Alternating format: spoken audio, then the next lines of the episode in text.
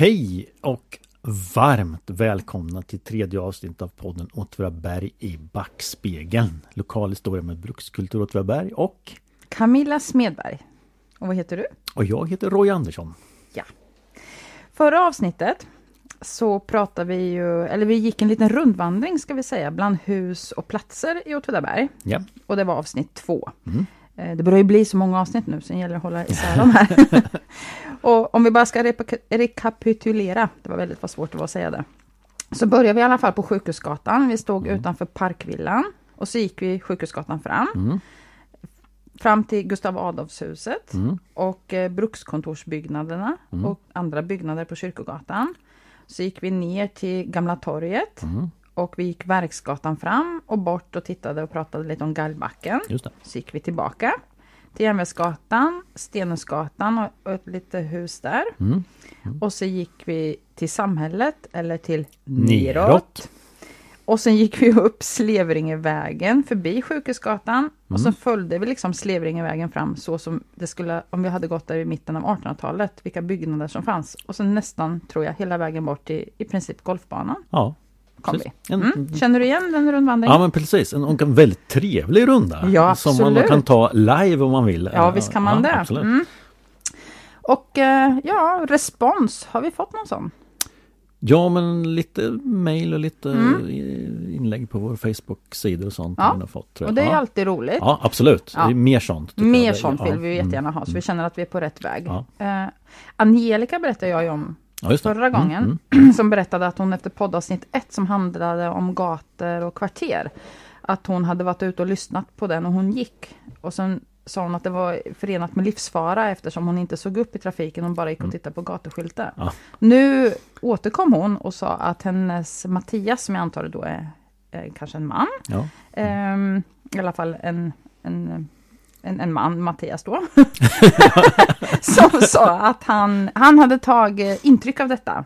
Och han går på golfbanan och lyssnar för att inte utgöra just en trafikfara. Så det var väl Ja. förnuftigt. Vad ansvarsfullt. Mycket ansvarsfullt. Ja, vi är nöjda med det. Vi vill ju inte att folk ska liksom råka illa ut här nu. Nej precis. precis. En annan som har eh, berättat hur hon gör när hon lyssnar, det är Erika. Och hon sa att hon hade gjort en egen liksom spa-behandling, har legat med Mm. leransiktsmask och druckit lite rött vin och lyssnat på podden. Ja. Ja, det lät ju också Alltså, mysigt. Kan, man tolka det så att podden passar alla i alla lägen? Ja, jag vet också många som lyssnar när de åker buss eller bil eller så. Mm, mm, kan tänka mig Eh, det. Och har en ja, naturlig, ja, så. trafiksäkert Ja. på alla sätt. Då. Sen är det en del som har hört av sig och sagt att de skulle gärna vilja höra om flera hus, kanske till och med Mm. hus som inte finns kvar. Mm, mm, Och det kan man ju absolut tänka sig. ja, Det kanske finns anledning att återkomma med en ny runda. ja, absolut. Mm. Det, det kan jag tänka mig. Ja. Ja. Mm. Eh, ett hus som jag tänkte att jag faktiskt av de vi tog upp förra gången skulle vilja återkomma lite till, det är Gustav Adolf-huset. Mm, mm. Det är ju spännande det huset. Ja. Ehm, och, Åtvidabergs äldsta enligt traditionen. Då. ja, och sen finns det ju andra som man pekar på som också ska vara de äldsta. Ja, Så mm. eh, du sa ju att man, man kan ju faktiskt borra i... Jo, men man kan ju datera dem genom att borra i, i trät i huset och, och på något sätt titta på årsringar och Ja. så. Så om de inte har gjort det på de husen som nu är i som vi pratar om som de äldsta så kan vi ju rekommendera att de ja, gör det. precis. Så vi Ja, kan borra i huset. Ja, vi kan ju komma och borra annars. Så att vi äntligen kan få svar. Ja. Men två ägare tillbaka till det här huset då heter Jörgen. Eh, och jag pratade med honom igår. Och då sa han att det här huset var ju lite utsatt för att faktiskt eh, inte få finnas mer. Och att man, eh, ja, man skulle bränna det, Mm. eller bränna ner det. Ja. Men han lyckades ju att rädda det här då. eh, Och fick för det Östergötlands fornminnes och museiförenings förtjänstmedalj i silver. Oj. Av eh, prins Bertil. Minsann. Mm. Eh, sen är det lite roligt då, nu hade inte den här brandchefen något med det här att göra, men det var ju sedermera brandchefen som flyttade in just i Gustav Adolfshuset Okej, efter ja. honom, så det var ju lite roligt. Ja. Ja. Men det är ett hus som du vill känna att du... men jag tror att vi kommer ha anledning att återkomma till det huset framöver här lite, Ja. men det krävs lite mer efterforskning. Ja. Mm. Mm. Mm. Sen har vi också fått eh, lite frågor om platser tillbaka egentligen till podd 1 då. Eh, Ådalskulle har man undrat över. Mm, mm, Har du något att säga om Ådalskulle? Alltså Ådalskulle är ju ett av de egna hemsområden som byggdes här i slutet på 1800-talet, kring sekelskiftet 1900. Mm. Och det ligger... Eh, det ligger alltså eh, vid Snickaregatan Mm. eh, mittemot kvarteret Res- Reserven. Ganska nära Hocklasjö. Ja, Ja. precis. Ja. Mm. Och det har man undrat över varför det heter så. Ja, det kan jag förstå. Ja, det, Ja. Och det kan man ju gärna svara, skicka per mail om man, om man har någon information Mm. om Ådalskulle. Mm. Så har vi anledning att återkomma. Vi kan själva titta lite närmare Ja. på det också. Precis. Mm. Mm. Sen har vi ju fått eh, lite respons kring det här med neråt. Ja, Ja, precis. Ja. just. Eh, en, en, eh, vi har fått uh, mejl ifrån en person som heter Christer som har jobbat på, på gatukontoret en gång i tiden. Och eh, han sa att det var han som föreslog det här namnet Tilasplan en gång i tiden. Ja, när man då skulle göra om den här gatan och göra en, en, ett torg utav den. Så. Eh, som sedermera politikerna eh, tog det namnet så att säga. Mm, kring den. Eh, och, och just det här neråt eh, tog han upp och det är lite spännande för jag alltså våran tekniker här Lasse Han har fixat en, en höjdkarta från eh, samhällsbyggnadskontoret här på kommunen. Mm. Och du har den framför Ja, dig. precis. Jag har den ju här. Eh, och då kan jag alltså konstatera när jag tittar på den här eh, att det är alltså några platser där man faktiskt går uppåt Aha. för att komma neråt. Och vi. Ja, och det är alltså eh, Ox, om man bor på Oxtorgsgatan, alltså nedanför centrum. Så. Eh, och eh, eh, Kalkungsvägen. Mm. Eh, en bit in på den. så. Men framför allt om man bor just i kvarteret Reserven. Eller i området kring Strandgatan, Valkaregatan. Mm. Men var det inte det du sa också för första avsnittet? Jo, men jag har ju bott på båda ställena och Ja. jag hade en bestämda känsla av att jag verkligen gick Ja, uppåt. ja. Jag har ju också, också bott. Ja, på Strandgatan Mm. och inte kände jag att jag gick neråt. Det var ju ganska brant uppför faktiskt. Precis. Så. Men eh, ja, Jo, och då, och då, den här eh, Christer då som har mejlat, han, han eh, uppmärksammar oss på ett engelskt uttryck som är ganska vanligt här i, i framförallt i storstäder. Alltså när man går till centrum eh, i en storstad så brukar man oftast gå downtown. Så frågan är ju här om Åtvidabergarna är väldigt internationella i sin framtoning. Kanske mer än vad vi tänker oss egentligen. och idag då så har vi tänkt att vi ska ägna det här avsnittet åt lite mer dramatiska händelser. Mm. Mm. Kanske till och med som vi pratade om sist, ond bråd död. Mm. Mm. Vi har ju ägnat oss båda två lite åt brottsfall. Ja men precis. Eh, framförallt du mer än jag kanske men, men eh, ehm, och då kan man ju fråga sig det här med rättshistoria eller kriminalfall i lokalsamhället. Vad är vitsen med det egentligen? Eh, att få spektakulära historier om människors elände. Mm. Givetvis är det inte så. Eh, utan det här är ju alltså ett utmärkt material att få grepp om samhällets, samhällets och människors värderingar och moraliska uppfattningar. Mm. Eh, och det här rätts, rättshistoriska källmaterialet fungerar ju väldigt bra till just det, kan jag tycka i alla fall. Ja, absolut. Och jag sa ju sist också det att just min... eh, Det som driver mig i det här och gör att jag tycker historia är roligt och lo, framförallt lokal historia är att jag vill komma människor och platser nära. Och det gör jag ju hjälp med just väldigt, med domboksmaterialet som är så väldigt detaljerat. Och man refererar ju ofta till platser som är så bekanta och det blir ju verkligen ett mervärde att veta vad som har utspelat Ja. sig där.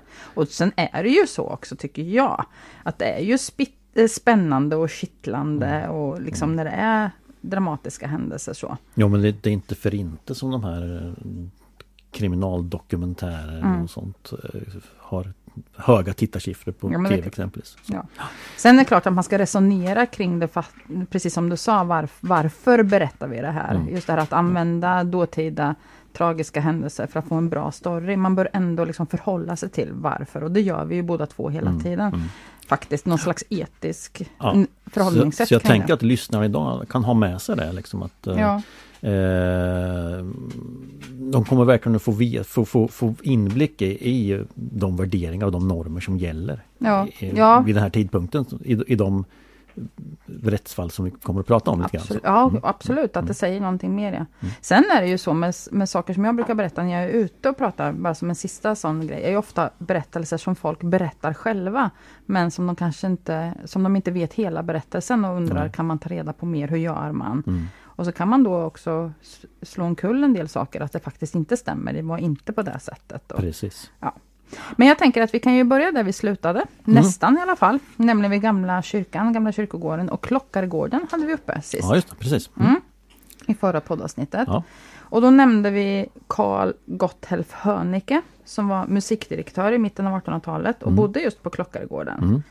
Och han förlorade ju fyra barn, ja han och hans fru naturligtvis Mm. förlorade ju fyra barn. Och efter att den sista barnet som var en son dör i maginflammation i juni 1853 så dröjer det bara tre dagar så dör Hönicke själv Mm. och han är i 50-årsåldern tror jag då. Mm. Och det som är lite speciellt då är ju eller inte helt speciellt för att det förekommer så att det faktiskt inte står någon dödsorsak i död och begravningsböckerna. Det händer då och nu men det, oftast gör det ju det. Men Ja. på honom är det blankt. Eh, så de här två sakerna, dels att han dör så kort tid efter sitt fjärde barn dör och att det inte står någon dödsorsak gör ju att man funderar lite mer kring Mm. vad, vad handlar det här om nu. Mm. Och sen en tredje sak som är kopplat till det här då är att hans gravsten, den ligger ju som jag berättade sist, väs, vänster om stora porten in Mm. mot kyrkan, Mm. en platt sten. Eh, och den ligger på det som är kyrkogårdens norra sida. Mm. Och det här sammantaget gör att man ändå funderar över om det är frågan om en så kallad självspillning. Mm. Ehm, för fram till 1864 så var ju självmord en kriminell handling. Och Det är lika brottsligt att ta sitt eget liv som att ta någon Mm. annans egentligen. Och då levde man ju under Guds lag så att säga. Det var det som var st- straffet. Mm. Och eftersom man, och det kan ju låta lite konstigt då att det ska vara en kriminell handling för att det är så att man redan är död, så är man ju. Och då kan man ju inte utdöma något dödsstraff eller någonting sånt då. Men då fick istället själen och kroppen ta straffet. Och straffet var ju då att inte begravas i vigd jord till att börja med. Mm. Och på så sätt så blir man ju utestängd från saligheten, alltså paradiset. Mm. Och enligt 1734 års lag, som väl egentligen är den första nationella lag vi har, eller? Ja. Ja. Så skulle ju skarprättaren då föra kroppen till, ja, antingen till skogs eller till galgbacken. Sen ändras ju det här en bit in på 1800-talet. 1884 så ändras det i lagen, men redan på 1840-talet så ändrar man det i praxis. Så att man tillåter att man får bli begravd på kyrkogården. Nu Mm, ser du skeptisk ut. Nej, nej, du hänger med inte här. Mm. Eh, men då blir man just begravd på den norra sidan. Mm. Om man är Mm. till exempel brott, om man har begått en brottslig handling mot andra eller mot sig själv. Då. Mm. För norra sidan anses ha lägre status än till exempel den östra. För den östra sidan så går solen upp. Och eh, det är väl där man tänker sig att eh, den dagen... Återuppståndelsen. Precis, Ja. så är det Mm. så. Därifrån. Och att man skulle inte låta solen skina på en som har förspilt sin själ. Och man begravdes till och med efter att solen hade gått ner. Och med blicken vänd mot norr. Mm. Mm. Och sen blir man ju också begravd i tysthet. Ehm, Mm. Och det, här var ju ett, förstås ett hemskt straff. Ja, eh, Så för, för de personerna.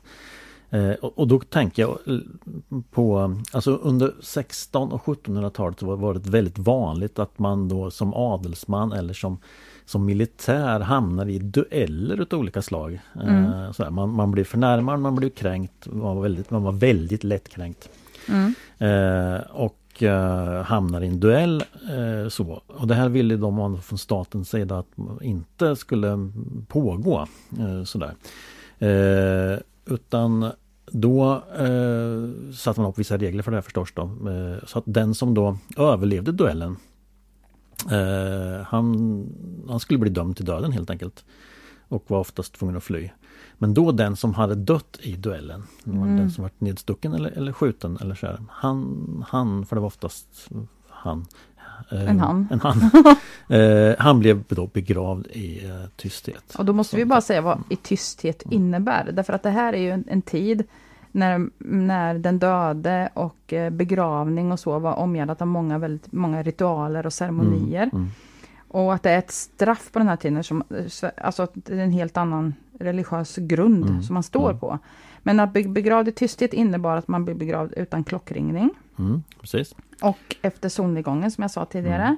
Och endast med de nödvändigaste personerna närvarande kan man Mm. tänka sig. Ja, precis. Kanske, ja, och kanske inte ens det. Nej, kanske inte ens det. Nej. Nej. Så. Så, att, eh, ja.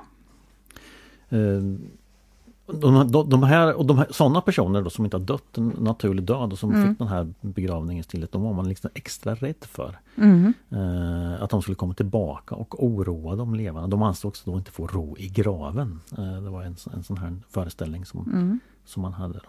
Men det jag kan tycka är konstigt då, för det vi indikerar här är ju då, om vi knyter an till Hönicke igen, är ju att eh, han fick in, ingen dödsorsak noterad i död och begravningsboken Mm. och han blev begravd på norra sidan, Mm. vilket då ska vara, nu vet vi ju inte det, men det indikerar ju att det, han Mm. kanske faktiskt tog, tog sitt eget Ja, liv ja. och tre dagar, och att han inte Ja. orkade mer helt enkelt. Eh, efter att den här fjärde barnet då dör. Mm. Men det som jag tycker är konstigt då är ju att idag är ju entrén och, och port, alltså är ju på norra sidan på Mm. kyrkogården. Ja, och det kan ju tyckas märkligt men eh, alltså redan under 1800-talet så, så fanns det praktiska orsaker till att man så att säga omfamnade den norra sidan lite mera. Eh, framförallt var det att kyrkogården räckte inte till helt enkelt. Men har, Eh, har entrén alltid varit? Eller Nej, på, nej, nej. Okej. Eh, utan entrén har varit på den södra sidan. Eh, så, och i Otterberg finns det ju två stycken, eh, egentligen två stycken entréer till kyrkan från södra sidan var, varvid den ena är, är igenmurad. Mhm. Och det finns ju en, en, eh, en sägen kring den där. Eh, och knyter vi an till det här med duellerande igen. En eh, em, herren till Näs, Gustav Maurits Mannersköld, han var alltså eh, innan Näs i mitten på 1600-talet. Eh, en väldigt hetlevrad och bullersam adelsman som slutade sina dagar just i en, som dödade i en duell. Mhm. Eh, han ska då ha dödat medvetet eller omedvetet eller genom olycka en dräng utanför kyrkan. Oj. Och eh, efter det sen ska då kyrkporten ha murats igen. Men omedvetet eller medvetet, vad gjorde han? Ja men han ska, eh, det finns lite olika varianter som Ja. gör med alla bra sägner. Ja. Eller sådär.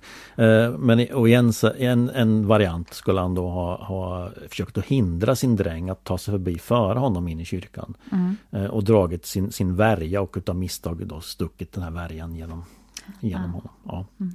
Eh, Det finns lite andra varianter. Men detta är just en sägen också, för det här är ingenting du har tittat på Nej, något nej, material. nej, nej, nej. för att det är så det pass tidigt också, Ja. så att vi kanske inte ens hittar något material kring Nej precis, det Nej. här, det här är en, en, en sägen. Så. Så tidigare så låg ingång, alltså gick man in på den andra motsatta sidan mot idag. Mm. Och sen vill man omfamna kyrkogården och, och liksom Ja men Ja. under 1800-talet så fick man inte plats med de döda längre helt Nej, enkelt på, klart. på bara södra sidan. Så Mm. de var alltså tvungna att nyttja norra sidan Mm. och undan för undan så luckrades det här dåliga med norra sidan upp. Mm. Och eh, ja, ja, så idag eh, har vi ju inget, in, inga sådana föreställningar. Nej. Och sen när man då renoverade gamla kyrkan 1957 då eh, förlade man då eh, huvudentrén till gamla kyrkan på just på norra sidan. Ja, just. Mm. Så Hönicke skulle i själva verket kunna varit en av de första som kom att läggas där av natur, naturliga orsaker Ja, så att säga. möjligen. 1853. Ja, möjligen. Mm. Ja, då, det vet vi ju inte men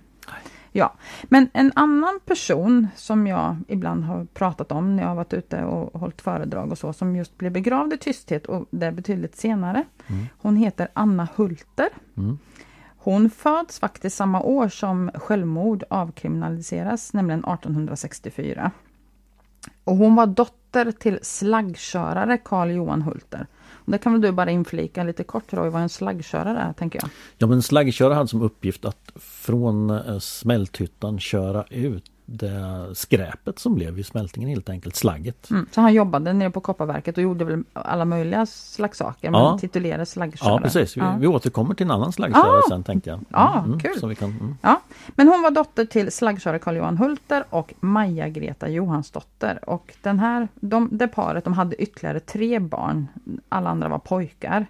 Och när Anna är sju år gammal så dör den tre år äldre brodern som är tioårige Frans Albin i hjärnhinneinflammation. Och sen när hon är 12 år, alltså tre år senare då, nej, fem år senare, Mm. så dör pappan i eh, njurinflammation. Kanske något som är naturligt lätt att få, tänker jag, när man jobbar Eh, nej, Ja. kanske inte alls. va? Nej, men han var omkring 50 år gammal, så han var inte särskilt gammal i alla fall då. Och kvar är mamman, en 18-årig storebror och en 9-årig lillebror till Anna. Och sen börjar hon ju då jobba som piga tidigt. Och när hon är 22 år gammal, och det här är år 1886, så flyttar hon till Norrköping. Där hon får anställning som fabriksarbeterska, närmare bestämt trikåstickerska. Mm. Och ungefär ett år senare, eller drygt ett år senare, i januari 1888, så föder hon en oäkta son, Otto Valentin. Och det här blir ju nogsamt eh, mm. nedtecknat, mm. som vi vet, i ja. kyrkböckerna, att det är ett oäkta barn, född utom äktenskapet. Två år senare så flyttar de tillbaka till Åtvidaberg. Då är vi alltså 1890 och hon flyttar hem till sin mamma som nu bor ensam. Och mamman får, mottar också fattigvårdsbidrag, så här, man har från början väldigt fattigt mm. i den här familjen och fortsätter att ha det. Eh, året därpå så flyttar Anna och hennes son in till Järnvägsgatan i Åtvidaberg. Och Anna arbetar som piga och Otto får en tjänst, han är ju 12-13 år vid den här tiden då, som snickeriarbetare på mhm. snickerifabriken. Mm. Ja. Så han bor på Järnvägsgatan, så jag tänker att han kan bara... Det, och det, han bodde i huset som sen senare brann ner, som ligger bredvid det som vi nu kallar Ringköpshuset. Mm. Ja, förstår. Mm. Ja, så han, har ju, han kan ju gå bakvägen, ja. så är, ligger ju snickerifabriken ja, där, ungefär vid nedgång, eller nedfarten till gropen. Mm. mm. Och sen två år senare, 1902, så flyttar de igen. Och den här gången så flyttar de till gamla värdshuset, mm. som vi pratade om mm. sist. Mm. mm. Eh, sen Brukshotellet öppnade 1869-1870 så har det gjorts om till ett antal lägenheter på övre plan. Mm. På nedervåningen så finns ju rotboden. Sen är det den 6 april år 1904. Och klockan är åtta på kvällen. Och vi ser Otto Valentin, han är nu 15-16 år. Han lämnar sitt arbete på snickerifabriken. Han har långa arbetsdagar. Vi kan tänka oss att han jobbar mellan 12 till 14 timmar. Någonting mm, sånt. Säkert. Ja. Och han sneddar över torget som nu då ligger i mörker, kan jag tänka mig. Under våren så har han hört andra, han har hört rykten och andra prata om att hans mor nu, Anna Charlotta Hulter då, som är 40 år, att hon ska vara havande igen, mm. alltså gravid. Mm. Och han har inte fäst, han har inte lyssnat på de här ryktena. Men nu när han kommer hem så hittar han sin mamma eh, och hon har svåra magplågor. Och han hjälper henne att klä av sig och han värmer grytlock mm, mm. För att lägga på magen. Ja. Och när han märker hur det är fatt, när det har gått ett par timmar, så säger han till slut att ska han inte hämta barnmorskan och Anna förbjuder honom mm. att göra det. Och sen under natten så föds det ett barn, en flicka. Mm. Och Anna binder själv navelsträngen och så klipper hon av det med sax då. Och Otto, Valentin, han hämtar en bunke med vatten så de kan tvätta av flickan. Och sen lägger Anna barnet bredvid sig i sängen och Otto eh, går till slut och lägger sig och klockan är 12 på natten då. Mm. Och han somnar omedelbart, han ska upp tidigt här. Och han sover hela natten och så vaknar han halv sex på morgonen. Och då finner han sin mamma sitta vid spisen.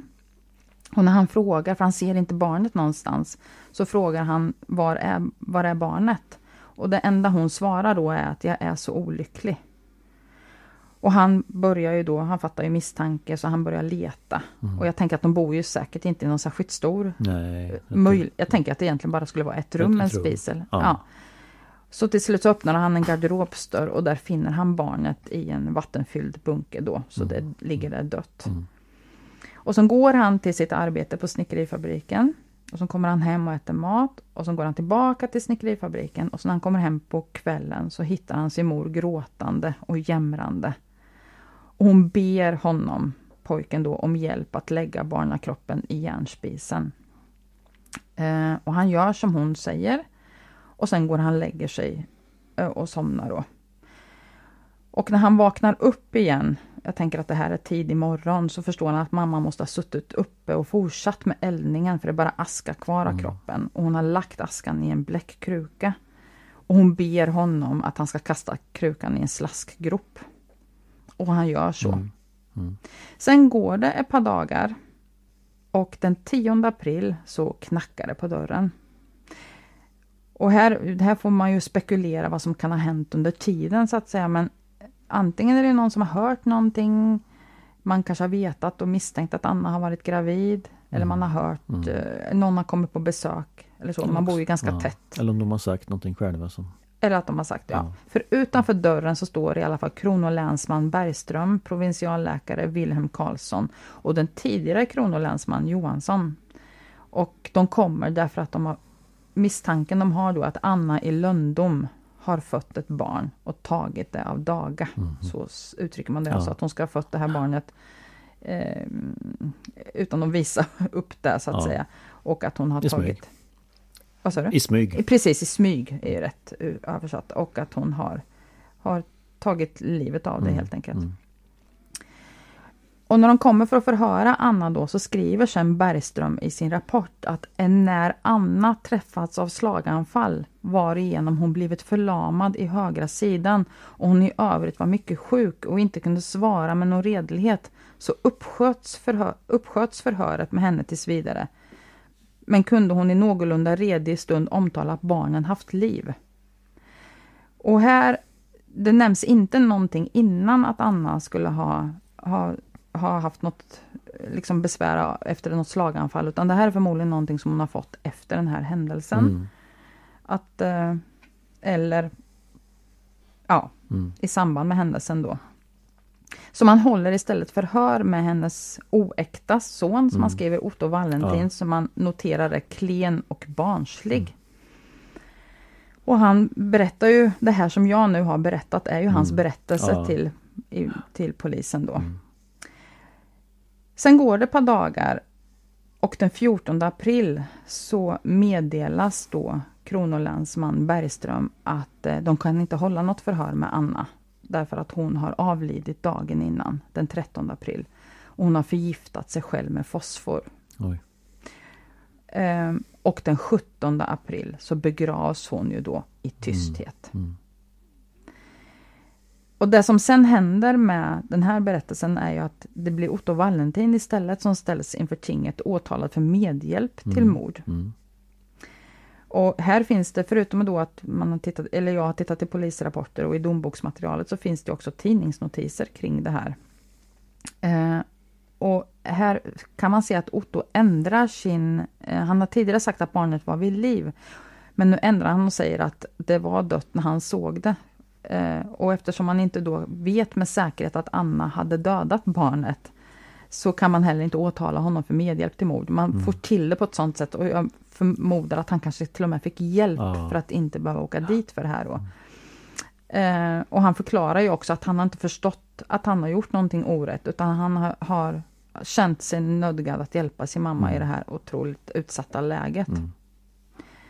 Ehm, sen åker han eh, på hösten där, så man förstår ju det att det är omöjligt att stanna kvar. Ja, det är klart han kan inte bo kvar. Nej, så han eh, beger sig så småningom till Amerika. Mm. Och bara för en kort tid sedan så lyckades jag, gick in på det här Ancestry, Mm, tror jag ja, det heter. mm. Så jag sökte faktiskt på honom, för jag varit ju, som man alltid blir när man, man blir ju väldigt påverkad av ett sånt här öde och man vill ju väldigt gärna veta mer, vad hände med honom? Mm. Och jag lyckades faktiskt att hitta honom där. Mm. Så jag fick både veta hur han tog sig till eh, Göteborg, vidare från Göteborg till England, så som man vanligtvis gjorde då, från England till Amerika och vilket fartyg han åkte med. Och han finns ju med på Mm. passagerarlistor Mm. och så vidare. Och att han så småningom bosatte sig i Illinois och gifte sig med en Agnes. Mm. Hoppas han blir lycklig. Ja, verkligen.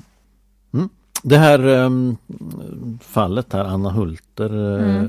ehm, pojken där, Otto Valentin. Otto Valentin. Mm.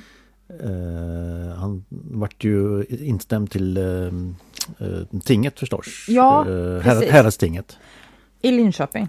För det var ju 1904, så då hade det gått över. Ja, det. Tidigare precis. var det häradsrätten i Fillinge, Ja, eller hur? Bankerkind. ja, ja, och sen är det Linköping senare. Ja. Mm. Eh, och att de, de bodde i det gamla värdshuset. Eh, för där fanns ju alltså en, en, ehm, en rättsinstans, en specialdomstol. Mm. Eh, som hade häradstingets status så att säga. Som kallas En för, egen, Ja mm. men precis, som kallas för bergstingsrätten. Eh, och då som fanns inom varje bergslag, alltså ett, om, ett område då som, som eh, var knutet till bergsbruket på olika ställen, och här, bland annat här då i, i Åtvidaberg. Eh, och det här bergstinget skulle ju- man tog aldrig på sig grövre brottsmål som den här typen utav fall utan här, här var det eh, eh, enklare, enklare mål men som då rörde sig in, inom, inom det här eh, området. Då. Eh, och eh, som eh, ordförande i den här, och det här bergstinget sammanträdde alltså en gång om året på, vid Gamla värdshuset på, på övervåningen där. Mm, bara en gång om året? En gång om året ja. från åtminstone 1800 tidigt 1800-tal, nej, sent 1700-tal faktiskt till 1851. Så då man då då man av, avsatte bergstinget så hade man och, och alla sådana mål gick över till herrstinget istället. Ja, det. Men det här var kanske ett sätt att försöka handskas med lite mildare saker mm. på plats. Ja men precis. Ja. Ja, men det kunde ju betyda å andra sidan att gjorde man någonting precis efter de hade sammanträtt så fick man vänta ett helt år innan ärendet kom upp. Då. Ja, så var det förstås. Mm. Mm. Eh, jag tänkte de här, just den här var en specialdomstol som, som då eh, eh fungerade här i Åtvidaberg. Eh, bland annat då. Eh, jag tänkte jag skulle ta upp två stycken fall. Mm. Eh, så, som de, ja. ja precis, som de dömde här i. Ja. så då. Vi pratade om, om Parkvillan här förut och den, mm. den byggdes ju då för, för Kopparverkets eh, juridiska rådgivare Erik Salomon Nordenström.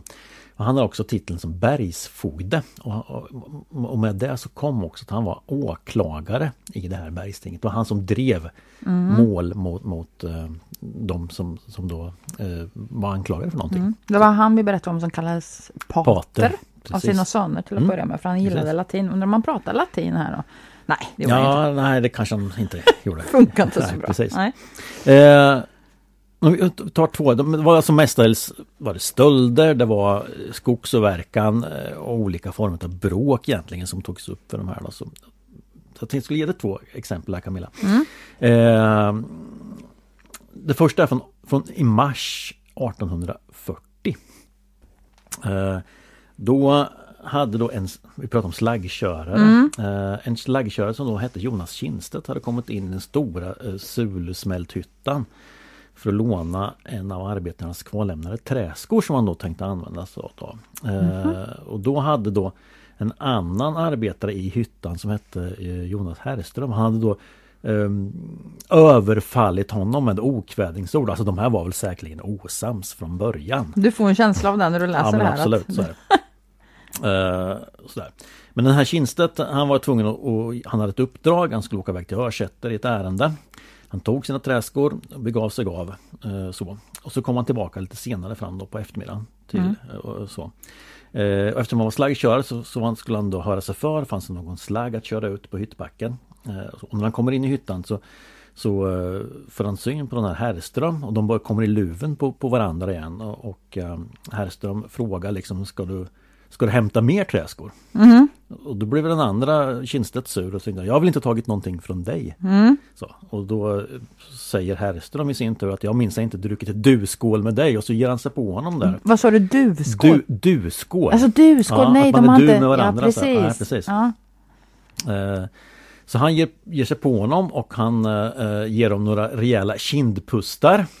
Kind, inte pussar? Nej, inte Nej pussar, verkligen kindpustar, alltså slag med handflatan i ansiktet. Jaha, ja. översatt till idag så skulle vi säga örfil. Precis. Ja.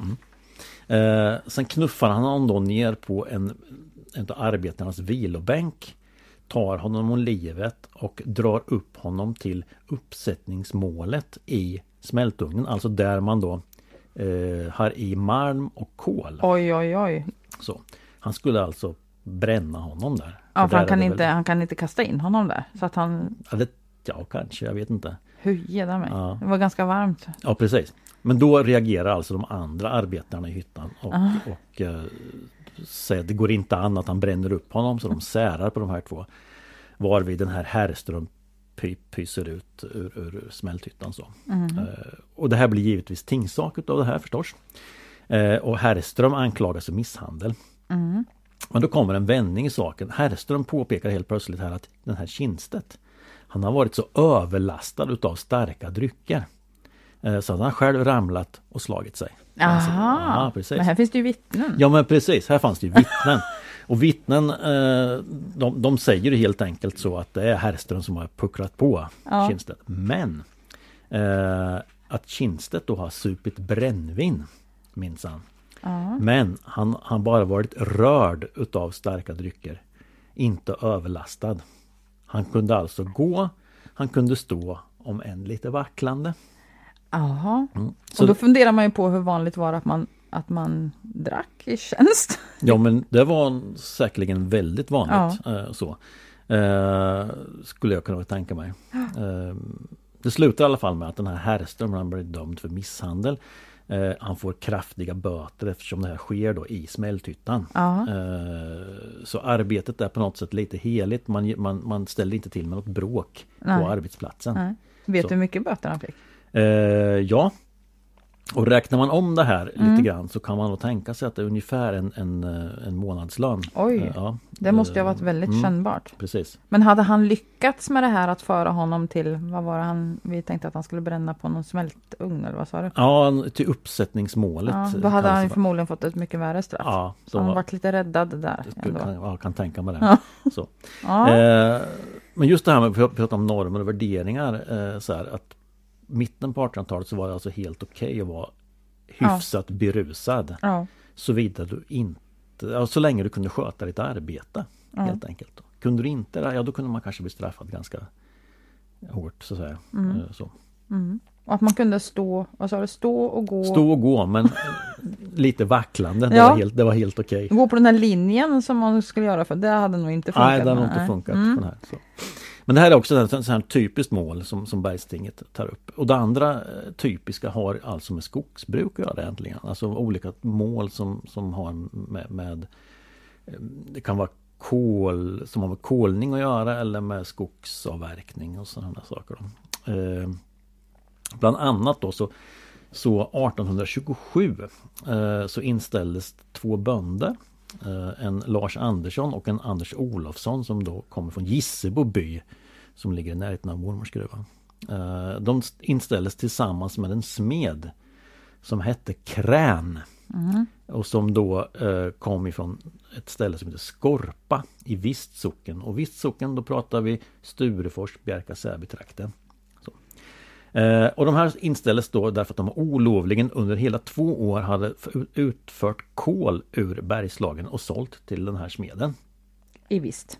i Vist. Mm. Eh, så inom Bergslagen så var man tvungen att sälja, sälja sitt kol till Åtvidabergs kopparverk. Aha. Det var liksom själva poängen med Mm. det här då. Så. Eh, Så det var deras eget kol men de fick inte sälja det? Antagligen var de självägande bönder. Ja, för det var de i Eh, Gissebo vad ja, jag vill mm. minnas. Mm. Precis. Länge. Ja, Mm. och då kunde de liksom sälja sitt kol men, men i det här fallet fick de helt enkelt inte göra så här. Nej. Eh, och då ett antal vittnen hade då sett dem föra ut kol förstås. Ur, Ja, förstås. Ja, Det fanns folk i buskarna. Jajamensan. Jajamän. Ja. Eh, och de nekade inte till det här. Nej. Men de hade själva inkallat vittnen eh, för att påpeka att de inte fört ut så mycket kol som Kopparverket påstod. Aha. så. Ja. Eh, så det slutade då med att den som blev hårdast dömd av de här, det var den här smeden Krän. Nämen. Ja, eh, då. Så han vart dömd för att han hade mottagit kol.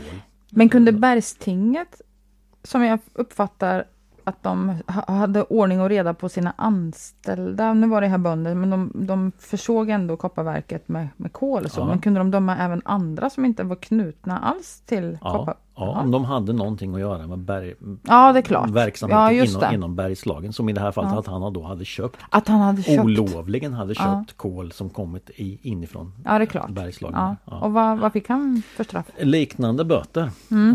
Eh, Så det var, det var alltså nästan lika mycket värt kan jag säga, Mm. att, att, att stjäla kol som att misshandla någon i, i Smälthyttan.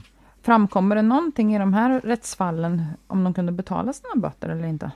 Eh, nej det gör ju inte det. För att Nej. om man inte kunde göra det så, så kunde man då få, ant, få någon form av kroppsstraff Mm. eh, framgår det. Antingen får man då slita spö, alltså man får, man får eh, eh, Spöstraff? spöstraff. Mm.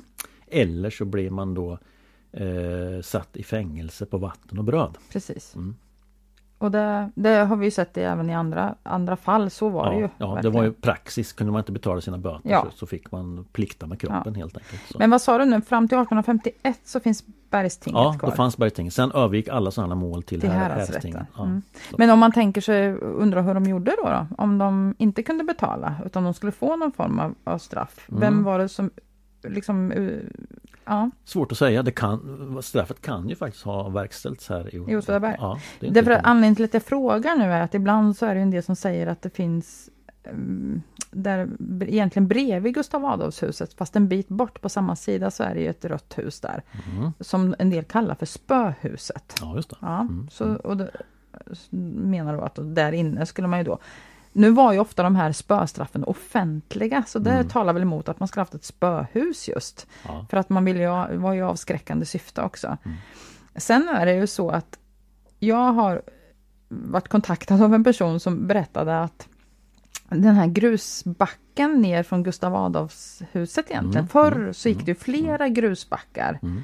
eh, upp mot, eh, alltså över den här kullen upp mot brukskontoret, i alla fall två stycken. Och att den ska, ena av de här då användes och kallades för Saxarebacken, Mm. fick jag höra. Ja. Mm. Och du vill ju mena att den hette någonting annat. Jo men det kan också, jag har sett någonstans att den kan kallas för Sexarebacken. Ja.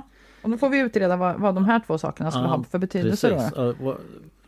Sexare, det, sex, det har att göra med någon som kallas för sexman, sexmän. Mm. Det är alltså förtroendevalda inom socknen. Alltså som satt i sockenstämman och bestämde. Eh, Och sockenstämman den, den, den sammanträdde ju då i sockenstugan som låg då i närheten utav kyrkan. Så Ja, så det skulle så, kunna så kan ha att göra med Ja. att de då vandrade den backen upp för att komma Ja. till sockenstämman. Just det. Och vad bra att du sa det, för jag har länge undrat nämligen vart just sockenstämman sammanträdde. Men det var där alltså. Mm. Och det här med Saxarebacken skulle då komma ifrån att det var en form av sån här bestraffning. Att man lät en folk sitta alltså, över en planka och så åka ner för den här backen. Alltså saxa över, eller hur man Ja, nu ja. säger, Mm. sittandes. Ja. Och att man skulle få Mm. någon form av ja, smisk helt enkelt. En åtvidabergsk variant utav den här trämärren som, som, som också var ett vanligt bestraffningsinstrument. Ja, det. Instrument. Alltså Ja.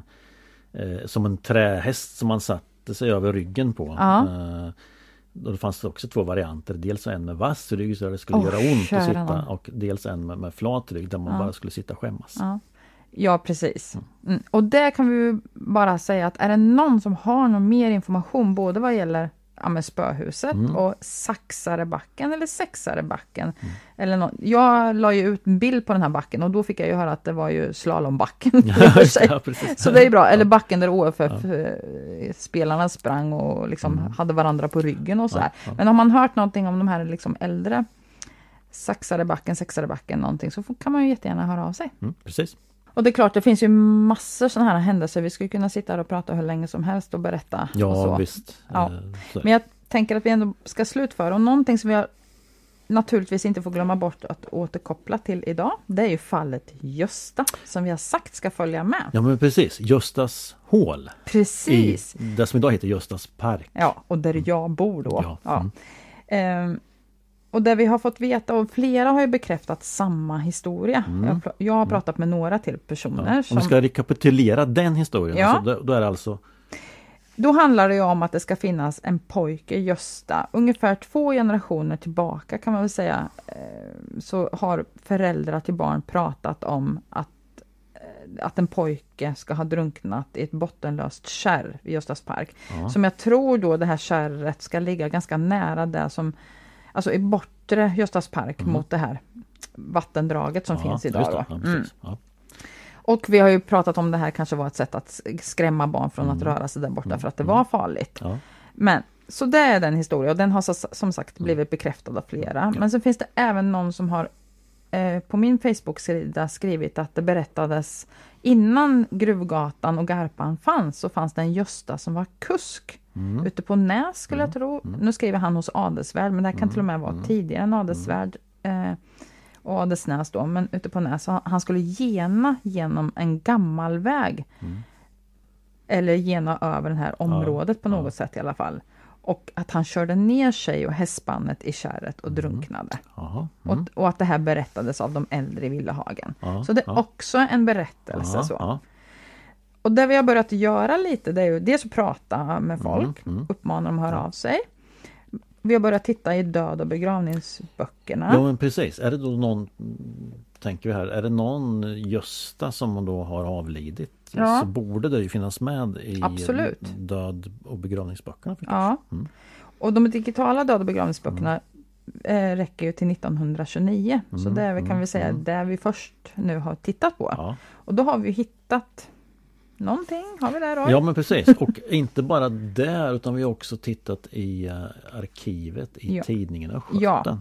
Så. Absolut. Har, eh, man kan ju tänka sig att en sån här händelse att det har stått någonting. Och det, d- vi har faktiskt hittat eh, en Gösta som Mm. då har eh, avlidit här i, i, i början på 1900-talet. Ja, i, inte bara avlidit utan vi också liksom tittar på dödsorsaken då. Mm. Han har Mm. drunknat. Ja, och Mm, där ja, tänkte vi att nu har vi hittat Gösta här. Ja. Eh, men Mm. det, så här var det. Den här, den här sor- sorgliga historien har um, utspelar sig alltså inte i Göstas hål eller det som är Göstas park utan Nej. då i Bysjön en vinterdag. Mm. Eh, där då två eh, ungdomar går ner sig eh, i sjön Mm. helt enkelt. De åkte skridskor eller hur var det? Eh, ja, Ja. precis. Eh, och då den ena eh, Gösta Mm. eh, omkommer. Ja, så, men den andra klarar sig då. ja. Så det är fortfarande ett... Ja, vi hittade en. Gösta som Mm. hade drunknat men det var, visade sig vara ett annat fall. ja. Och när man just håller på och tittar i död och begravningsboken om vi släpper Gösta, för jag tänker han är fortfarande, vi hoppas kunna knyta ihop Mm. den säcken nästa poddavsnitt då, att vi ska hitta fram till rätt. Och se om det här är en skröna eller om det finns eh, någon fakta bakom det här. Mm. Men om vi håller fast lite vid död och begravningsboken så just när man tittar i den så hittar man ju lätt andra händelser. Mm. Och jag hittade just en, en, en väldigt hemsk historia som utspelar sig i Norra Botorps barnvaktstuga ganska sent på 1920-talet. För Mm. Den sträckte sig som sagt fram till 1929, den här Mm. digitala versionen av Död och begravningsboken. Eh, och den kvinna, hon förlorar sitt barn, hon förlorar sin man. Och hon förlorar efter ett par dagar också till följd av den här händelsen sitt förstånd. Mm. Eh, och då står det i Döda begravningsboken att hon kommer att sättas i isoleringscell på ålderdomshemmet. Och då gör jag ju som vanligt när jag hittar någonting sånt här som jag inte vet. Då eh, skickar jag ett meddelande till Roy Andersson på Brukskultur. Och då skrev du tillbaka till mig, det här måste vara asylen. Mm. Det, så tänkte jag. När jag Ja. ja. Och det här huset, asylen, som ligger alltså mitt emot nedfarten till gamla vårdcentralen på Östantorpsvägen. Mm. Ett litet vitt fyrkantigt hus Mm. nära ålderdomshemmet. Mm. Eh, är ju många som har spekulerat kring vad det är för ett Ja. hus. Har vi inte fått frågor om det där? Jo, Någon vi har som- fått frågor. Så, och sen la jag ut bild på det här huset och frågade vet, vet man vad det här är? Och då fick jag ju allehanda svar på det. Att det, en, eh, att det kallas för Stormen, att det kallas för Spökhuset Mhm. och där bodde en häxa sa min mormor till mig Jaha. för typ 20 år sedan Mhm. var det någon som sa. Spännande. Och att de alltid undrat vad det är för ett hus Ja. och där bodde Svarta Damen Mm. och det var likbod och så vidare. Ja, och att det fanns någon, det fanns tydligen för länge sedan på 80-talet så ett, ett hål i en av dörrarna in så man kunde Mhm. gå in och Mhm. det gjorde några. Och då hittar man ju celler där inne och Mhm. det satte ju naturligtvis eh, fart på fantasin. Och man säger att det är intagningshus för bångstyriga äldre i väntan på vidare boende. Mm. Men också då att man stängde in psykiskt sjuka, sjuka för isolering där. Mm. Och då säger någon, är det bara en skröna? Mm. Men just det här fallet som jag hittar tyder ju på att det var här man, man Ja. lät henne sitta i Mm. drygt en månad. Eh, den här kvinnan då. Och sen var det ju, jag tänker, det var någon som också berättade att fattighusen från omkring 1920-tal så bytte de ju namn till ålderdomshem. Mm. Och det var i princip den enda socialvård man hade inom kommunen. Mm. Och ibland så hade de ålderdomshem med just sådana här byggnader vid sidan av. Där, för vårdtagare som man inte kunde placera bland de andra då. Mm. Och till exempel i Ringarum så gick den byggnaden där under namnet Idiotanstalten. Och att Mm. av det här. Man kan tänka sig att det här är Mm, något mm, liknande mm, då. mm. Eh, och att det var den här isoleringscellen som hon, som hon satt i. Mm. Och det här är ju ett fruktansvärt fall. Samtidigt så, så var det ju intressant det här att kunna liksom ta reda lite mer på det här huset som många undrat över. Och att det då kan be- bekräftas att, det, att man hade att man satt Mm. personer där en Mm. tid. Mm. Ehm, men det här är också, tycker jag, om man ska berätta om en sån här händelse, som det till det här vi pratade om inledningsvis. ehm, eh, varför ska man berätta? Och att det ibland också blir ett dilemma. Nu är ju det här, ska vi ju säga, för det första ett offentligt material. Ja. Vi har en sekretess på 70 år, där, Mm. närmare i vår tid får vi ju inte gå, Nej, så vi kan nej. inte berätta om rättsfall som Nej, äger rum nej, nu nej. ehm, på det sättet. Men att vi har de här egna etiska övervägandena naturligtvis. Mm. Och det här är ju ändå nära i tid, det 20-talet skulle kunna finnas släktingar. Mm, absolut. Så. Och det är klart, kan man berätta mer om hur man, hur, hur man, hur man hands, alltså det som huset, men också hur, hur man behandlade psykiskt sjuka, så, Mm. så kan det ju där finnas ett, ett, ett mervärde i att berätta Mm. den historien. Mm. Eh, men jag tänker ju, som du vet så har jag ju skrivit en del berättelser om eh, baroniets fideikommissets Mm. gamla torp. Och Mm. då intervjuar jag ju personer och så Mm. går jag ju också till kyrkoboksmaterialet sen. Mm. Och då har jag tänkt, och nu vill jag verkligen poängtera det, att det här har inte hänt. Men Mm. det skulle kunna ha blivit så att jag har intervjuat personer och så tittar jag på deras släkt, eller kanske till och med de själva om de är tillräckligt gamla på, Mm. då i kyrkoböckerna. Och jag kanske hittar att de har flera syskon än man då själva vet, Mm. eller att de är adopterade, Mm. det skulle kunna vara så. Ja. Och där hamnar man ju i det här, hur, hur gör man då? Mm. Ja.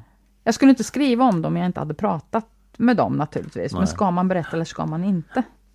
Hur känner du inför de där liksom, överväganden kring att berätta? Ja, men, alltså jag tänker att eh, sådana här saker, man, man, man, kan, man kan ju inte ställas till svars för Nej. sina anfäders eh, göranden och låtanden på något sätt. Nej, Eh, sådär. Eh, så om, jag personligen skulle upptäcka att jag hade haft någon mördare i min släkt Ja. så, här, så skulle jag ju tycka att det var spännande kanske Ja. och tragiskt förstås men, men, men jag skulle ju personligen inte försöka mörka det här på något Nej. sätt. Det, det, men det är klart, vi är, vi är olika. Så här, Ja. Så här. Och det är ju den ena aspekten om man har något sånt, Mm. att man inte kan ställas till svars. Men sen kan man ju hitta saker om dem själva som de själva inte vet Nej. om. Då är, då är det ett Mm. annat dilemma. ja. Som sagt, jag har inte råkat ut för det, det vill jag verkligen poängtera. Men så är det ju. Mm. Och att, eh, ja. Så, Mm. Då tänker jag att vi sätter lite punkt för det här avsnittet och som alltid och som vi har sagt tidigare så hör gärna av er. Eh, En del frågetecken har vi ju väckt själva här. Mm. Eh, kommentarer och tips på eh, annat, som, eller saker som ni gärna vill ha svar på. Mm. Och var kan man kontakta oss? Jo men då mejlar man eh, till podcast brukskultur.se Eller så går man in på Brukskulturs Facebook-sida. Eller stort, smått och lite däremellan där jag ligger ut lite då. Mm. Eh, Och så gör man sina kommentarer, man ställer sina frågor, man har sina påpekanden om saker och ting. precis. Ja. Ja. Och eh, nästa gång Ja, vad ska vi prata om nästa gång? Ja. Eh, vi har ju ett, åtminstone ett avsnitt kvar. Som vi... Ja, ja vi har ju Så, sagt det, ja. Mm. att det är fyra avsnitt eh, till att börja med. Så vill vi ju naturligtvis gärna fortsätta. Ehm, och så får vi se hur det blir med det sen framgent. Ja. Det beror lite på. Ja precis, men man kan väl tänka sig kanske att vi tar upp det här med, med eh, platser och, och, Ja. och så igen. För det har vi fått mycket frågor om. Ja, vi har fått mycket frågor. Ja. Och då ska vi också passa på att säga att vi kommer faktiskt att hålla en föreläsning som knyter an till podden. Ja, den 23 januari Ja. på Åtvidabergs föreläsningsförening. Mm. Så där kommer vi att ta upp en del saker som, som vi har fått frågor om eller saker som vi inte riktigt hunnit slutföra här. Ja, precis. Så, exakt, och har man, liksom, har man lyssnat på podden så kan man ändå ha behållning utav föreläsning för det Ja. kommer vi ta upp saker och ting som vi inte Det har tänker, vi. upp här. Ja. det tänker vi. Men som sagt, till nästa gång, hör gärna av er för att eh, det är lite av ett oskrivet blad. Vi har många idéer och tankar Mm, och mm. har saker vi kan ta upp. Men det skulle vara roligt att höra vad, vad man vill. Ja. Ska vi göra en ny rundvandring med hus till exempel? Mhm. Eh, och Ska vi peka ut några särskilda platser? mm, det är det flera händelser? Mm. Mm. Vi har ju Ja. många faktiskt eh, framstående arkitekter som har ritat en del av Mm. våra Och hus. det Och är ju något som jag förstått är väldigt intressant för väldigt många. Ja. Mm. Mm. Så. ja, så det finns en del. Så eh, vi säger tack och hej Tack för och idag. hej! hej, hej. hej.